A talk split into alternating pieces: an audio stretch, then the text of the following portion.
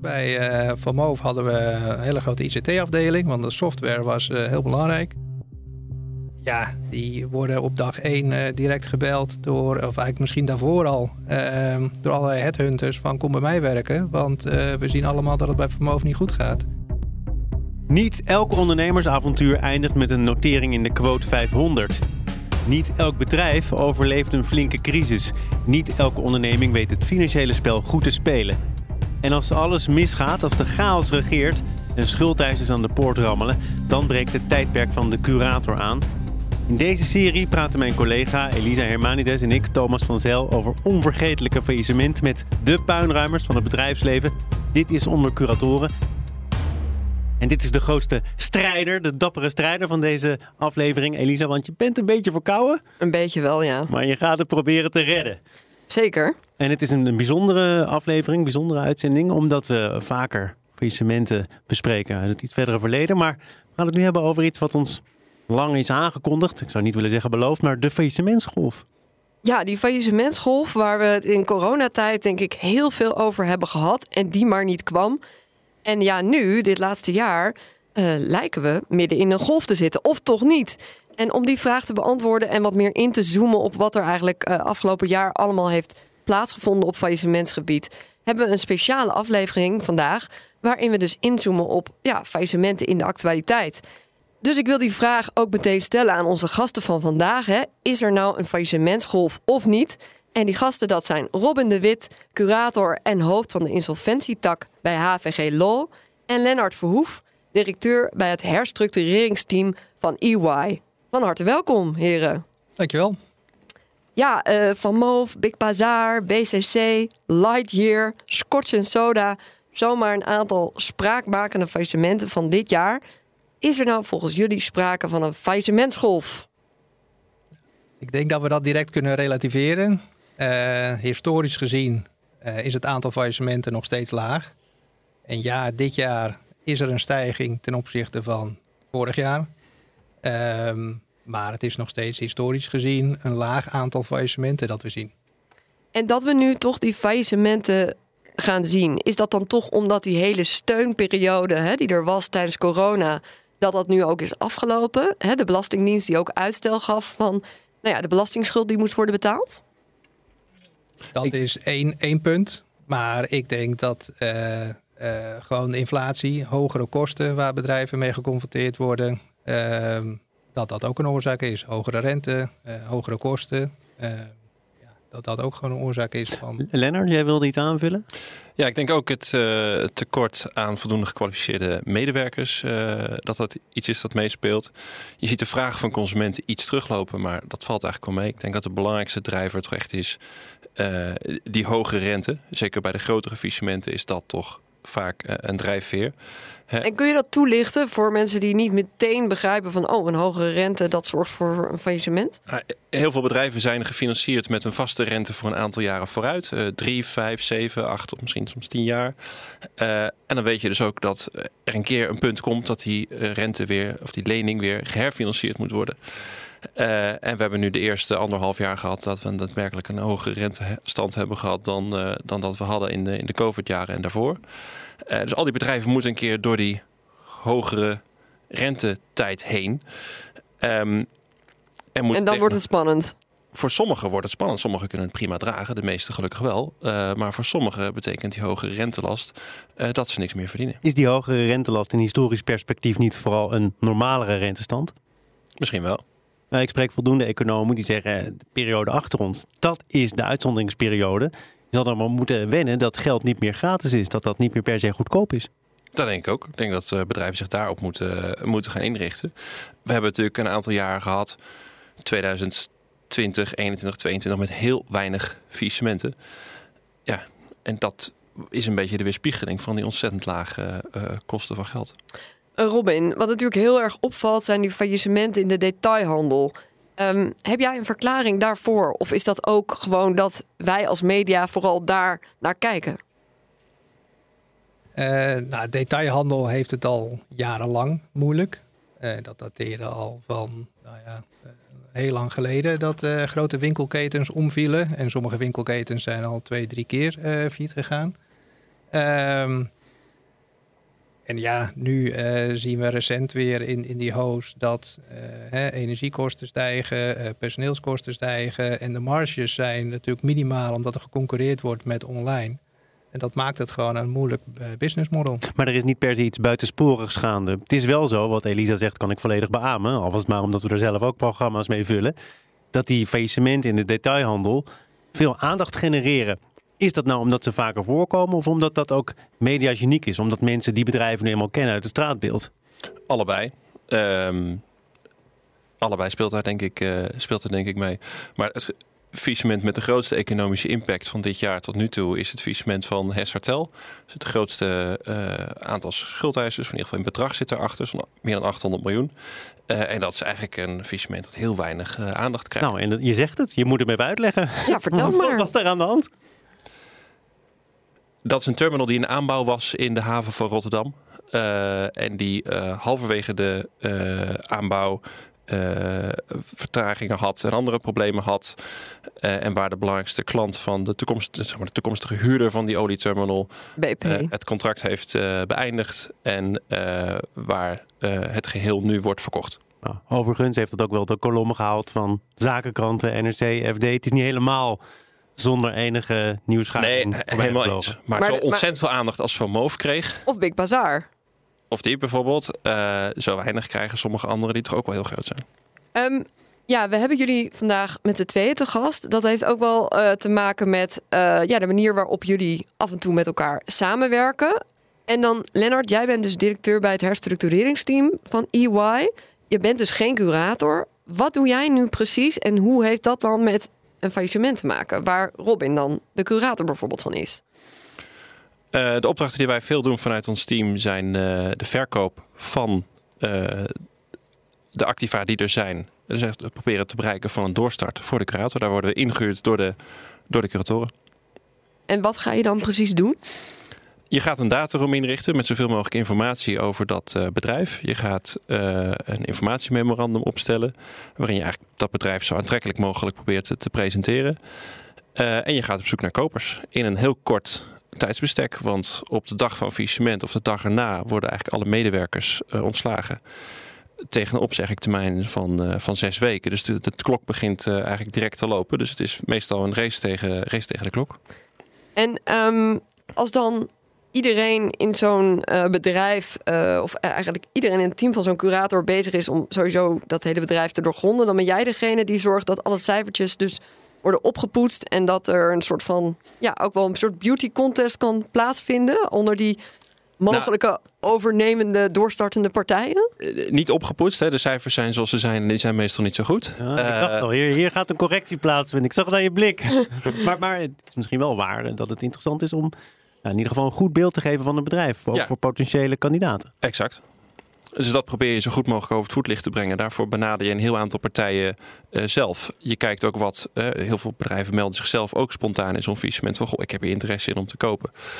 Um, en die probeer je zo goed mogelijk uh, van informatie te voorzien. En je probeert ze eigenlijk in een heel kort tijdsbestek een bieding te laten doen. En vaak in eerste instantie een, een indicatief bied, bod en later een definitief bod. Nou, we gaan hier niet heel van moof bespreken vandaag, want zover is het nog niet. Want het is nog niet helemaal afgewikkeld. Er is nog maar één faillissementsverslag. Maar uh, we kunnen wel even praten over hoe dat uh, is gegaan rond de doorstart die er nu uh, gaat komen. Um, ja, laten we beginnen bij jou, Robin.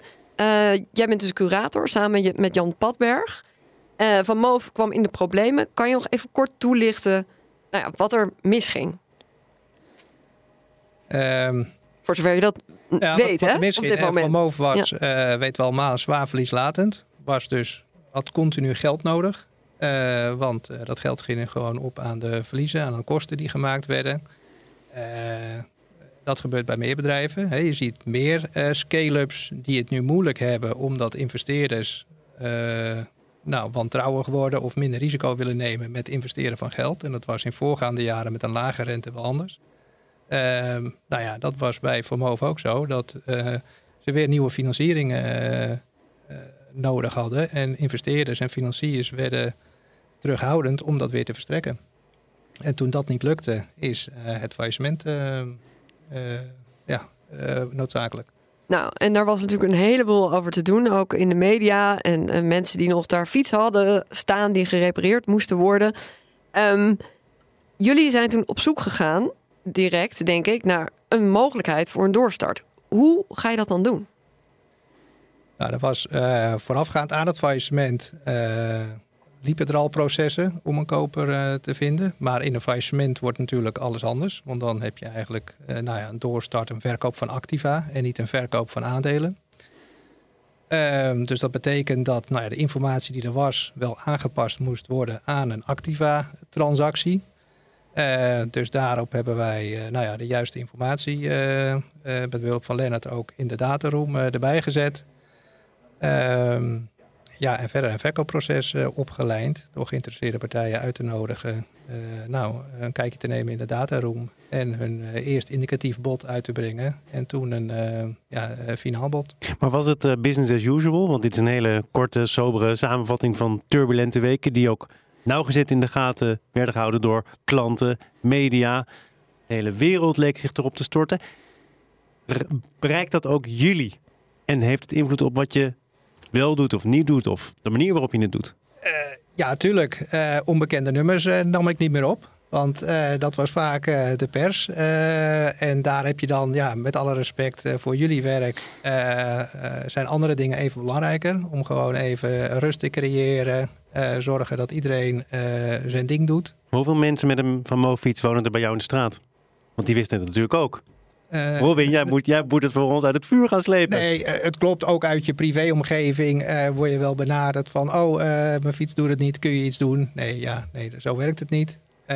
Dat gaat niet. Ehm, En Lennart, jij was iets minder het gezicht. Robin hebben we allemaal in de krant gezien dat hij de curator was. Volstrekt onbereikbaar voor media, maar goed, dat is je vergeven. Hoe heb jij het beleefd? Het was een hele drukke tijd. Ehm, met bijzonder veel interesse uit alle hoeken en gaten eh, in dit bedrijf. Volgens mij staat het ook in het faillissementverslag. Maar meer dan 114 partijen hebben zich bij ons gemeld. 114. Terwijl Van Moof ook zo slecht op de kaart stond op een gegeven moment als bedrijf. Maar dan toch zo'n grote interesse. Hoe verklaar je dat? De merknaam was nog steeds eh, gigantisch, gigantisch sterk. Eh, het is voor veel investeringsmaatschappijen ook een heel interessant eh, segment van de markt om in te investeren. En eh, dus die de, er zat gewoon nog heel veel merkwaarde in van Move. hè. Dat is eigenlijk wat je zegt. Want in die fietsen zelf, daar was van alles mis mee. 114 partijen. Hoe ga je dan het kaf van het koren scheiden? Door selectief te zijn wie je toelaat tot, tot de dataroom. Eh, zelf goed te kijken naar wie die partijen zijn en niet iedereen, niet iedereen toe te laten. Ehm, Maar stel, hè, ik heb een BV'tje opgericht met Thomas van Zijl. Eh, word ik dan, zie je dan direct al van, nou, die nemen we niet serieus? Dat zou kunnen zijn, maar ik denk in een faillissementssituatie heb je ook niet ja, dat je alles maar kan eisen aan de verkopende kant. hè. Je wilt toch eigenlijk heel graag wel iemand eh, eh, in het proces betrekken. Dus mensen krijgen ook in eerste instantie wel het voordeel van de twijfel. Maar je kunt misschien wel wat strenger zijn op het moment dat je met 114 potentiële partijen aan tafel zit, toch? Ja, je zit niet met allemaal aan tafel. Uiteindelijk zijn er eh, zo'n 25 partijen geweest die daadwerkelijk toegang hebben gehad tot, eh, tot de dataroom. Vind ik alsnog veel. Hoe eh, kom je dan vervolgens ook, eh, ja, doe je nog een selectie? De biedingen zijn het belangrijkste element waarop dan vervolgens de selectie gaat plaatsvinden. Dus eh, als eerste vraag je aan partijen een indicatief bod. En daar aan de, hand selecteer, aan de hand daarvan selecteer je met wie je, met wie je doorgaat. En dat is doorgaans een handvol partijen. En dat was nu ook zo. Hoe hebben die partijen, en dat kan ik misschien aan jullie beiden vragen, ehm, zich verhouden tot al die, die klachten die er waren over eh, de fietsen, waarover ook uitgebreid is gerapporteerd in allerlei media? Ehm, Is dat dan ook het, het pakje Jan van degene die van boven overneemt? Of, of kun je dat bij het oude bedrijf laten? Het heeft natuurlijk invloed op de waarde van het merk. Hè, negatieve pers eh, doet wat met je, eh, de waarde van je merk, dus die prijzen dat in. Ja, maar die negatieve pers was er omdat er ook daadwerkelijk veel met die fiets aan de hand was. Toch? Eh, dat klopt. Dus eh, ja, eh, wij hebben ook aan kopers gevraagd, of geïnteresseerde partijen, hoe ga je om met eh, de toekomst? Eh, bestaande eh, fietsen en reparaties, eh, wat ga je daar voor die eh, eh, consumenten doen? En dat heeft meegewogen. Ja, dat eh, weegt mee. Uh, dan, je zei het al, Lennart, uh, dan, dan tikt de tijd door. Zes weken heb je over het algemeen. Dit was een faillissement in de zomer. Dat was denk ik de favoriete komkommer van die maanden. uh, ook een beetje. Hoeveel tijd heeft het uiteindelijk in beslag genomen?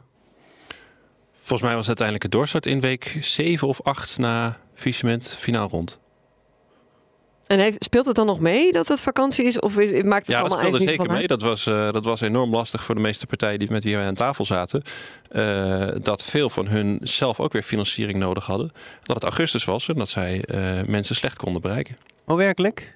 de, de strandvakantie van de een was het verdriet van de ander, ja, begrijp ik. Zeker, ja. en dat heeft het proces ook echt beïnvloed? Of heeft het alleen wat langer geduurd, waardoor je die zes weken hebt overschreden? Dat heeft het zeker vertraagd. Dat, is, dat is dan fact of life, daar kun je weinig aan doen. Zit het je wel in de weg op zo'n moment, Robin? Um, ja, je wil graag dat het uh, zo snel mogelijk rondkomt. Omdat je uh, het personeel wordt ontslagen op dag 1 of dag 2. Dan gaat de zes weken termijn lopen. En het liefst heb je het personeel nog ja, in de onderneming om dat levend te houden en draaiende te houden. Zodat uh, ja, er een meer vloeiende doorstart kan, uh, kan plaatsvinden. Maar dat is wel anders, toch? Nu ten opzichte van de vorige faillissementsgolf. Zeg maar dat je dat personeel, ja, er zijn zoveel schreeuwende tekorten in allerlei sectoren. Je kan ze niet vasthouden voor die zes weken misschien. Helemaal, ja, klopt helemaal. bij uh, Van Moof hadden we een hele grote ICT-afdeling, want de software was heel belangrijk. Ja, die worden op dag één uh, direct gebeld door, of eigenlijk misschien daarvoor al, ehm, door allerlei headhunters van kom bij mij werken, want we zien allemaal dat het bij Moof niet goed gaat. Ja, en die, nou, ik geloof dat na drie weken bijna iedereen al een nieuwe baan had. Maar neemt dan de waarde ook van zo'n, van zo'n bedrijf, zo'n boedel ook af, doordat dus die waardevolle mensen vertrekken? Zeker. Ja. Oké, okay. dus dat neem je ook mee uiteindelijk in die, die prijs die je dan uh, ja, uh, overeenkomt? Het, het, maakt de doorstart uh, moeilijker. De, de, prijs op dag 1 was substantieel hoger dan de prijs, de waarde van het bedrijf van Moof... gezien het vertrek van al die medewerkers na een week of zes, zeven. Omdat die mensen vertrokken waren. Ja, want een vloeiende doorstart, hè, het is niet plug-and-play meer. Je moet echt weer opnieuw opstarten. Van en... die... Oh, sorry, Elisa, ga je gang. Ja, ik ben benieuwd, wat voor soort partijen bleven er nou uiteindelijk over? Hè? Ik, ik snap dat je uh, uiteindelijk uh, kan je alleen de naam noemen van de partij die het is geworden. Maar wat voor soort partijen waren het? Uh, private equity of meer strategische partijen die geïnteresseerd waren? Of een combinatie? Ja, ik denk dat we daar niks over kunnen zeggen. Nou, laten we het dan niet uh, op Van Moof betrekken, want ik snap dat dat nog kakelvers is. Maar, maar, we kunnen het wel over hebben, over de partij die het wel precies, doorstart, toch? Precies. Dus misschien kun je daar iets over vertellen, hoe dat uiteindelijk tot stand is gekomen? Het is een van de partijen die zichzelf heeft gemeld in het faillissement. Het is niet een partij die wij hebben, hebben benaderd. Um, en die heeft heel gedegen haar huiswerk gedaan en uh, um, is uiteindelijk met het winnende bod gekomen. Lavoie van McLaren Applied. Ja, als ik het zo goed ja, zeg. Dat klopt. En daarachter zit een investeringsmaatschappij Greybull Capital. En uh, die zijn gespecialiseerd in het doen van dit soort uh, deals in, uh, in, in lastige omstandigheden. En tegelijkertijd hadden zij een dochter die actief was in deze markt. En dat was, maakte eigenlijk een soort ideale combinatie waardoor zij het heel goed konden doen. Oké, okay, en speelt dan ook nog mee bij de keuze van en nou ja, die talloze klachten van mensen, allemaal mensen die hun fiets repareerd nog willen zien, terwijl ze eigenlijk natuurlijk daar niet meer echt recht op hebben. Maar speelt dat dan toch mee? Uh, ja, dat speelt mee in het kader van uh, uh, je merk beschermen. Dus, dus, dus, een koper neemt dat in overweging van hè, het is belangrijk dat ik die service ga verlenen, want dat is van belang voor de waarde van mijn werk, merk iets, iets breder dan alleen uh, Van Moof. Uh, die faillissementsgolf, of die er al is, ja of nee, uh, daar hebben we het over gehad. Maar er zullen nog wel meer bedrijven failliet gaan. Er zijn bedrijven recent failliet gegaan. De geïnteresseerden die zich dan melden, zijn dat vaak private equity maatschappijen, zoals we dat van een vorige crisis nog wel kennen. Zijn dat strategische kopers? Zijn dat van oudjaar concurrenten van het bedrijf dat het op dat moment heel moeilijk heeft? Wat kunnen jullie daar in algemenere zin over zeggen? Ja, mijn indruk is wel eens dat het steeds minder die financiële partijen zijn. Dat waren inderdaad in veel gevallen de kopers bij de vorige golf van faillissementen en dus ook doorstarts van zeg maar 2010 tot 2015. Je ziet het nu steeds, uh, steeds minder dat die interesse hebben. Dat is ook wel logisch. Hè? In de tussenjaren, zeg maar vanaf 2018, 19 waren er gewoon heel weinig faillissementen. En uh, hebben zij zich noodgedwongen toegelegd op heel ander type uh, investeringen. Dus ja, ze melden zich nog wel en ze komen nog wel en ze willen ook wel uh, met je in gesprek erover. Maar in weinig gevallen zijn ze uiteindelijk de winnende partij. En moet je het vooral hebben van uh, strategen, dus eigenlijk ja, de concurrent. Voor hun is het heel vaak heel lastig om naast hun lopende bedrijf een ander bedrijf erbij te kopen. Wat in een heel moeilijke situatie zit, waar ontzettend veel moet gaan gebeuren. Waar je soms niet eens een management meer hebt. Uh, dus voor hun is het ontzettend lastig om zo'n uh, transactie te doen. Nou, nog zijn ze bereid om zich te melden. Sterker nog, om een stap naar voren te zetten en dit allemaal aan te gaan. Dus er zit ook iets voor hen in. Zeker zit daar iets voor hen in. En dat is met name dat je in een faillissement gewoon een hele andere prijs voor een overname betaalt dan uh, in een normale situatie. Gaan we nog even terug naar de faillissementsgolf. Jullie zeggen die is er nog niet helemaal, want het is wel meer dan vorig jaar, maar het is nog steeds relatief laag. Wat verwachten jullie van de toekomst, Robin? Ik verwacht dat de stijging die we nu zien uh, wel doorzet in uh, 2024. Uh, dat voorspellen de kredietverzekeraars ook. Uh, dat het aantal faillissementen zal toenemen. Dank Robin de Wit, curator en hoofd van de insolventie-tak van HVG Law. En Lennart Verhoef, directeur bij het herstructureringsteam van EY. Dit was Onder Curatoren. Wil je meer gesprekken horen met de puinruimers van het bedrijfsleven? Abonneer je dan via jouw eigen podcastkanaal of via de app van BNR. Luister vooral ook de vorige aflevering over het Braziliaanse telecombedrijf Oi, dat bij zijn herstructurering niets te maken wilde hebben met zijn Nederlandse brievenbusfirma's. Dankjewel voor het luisteren.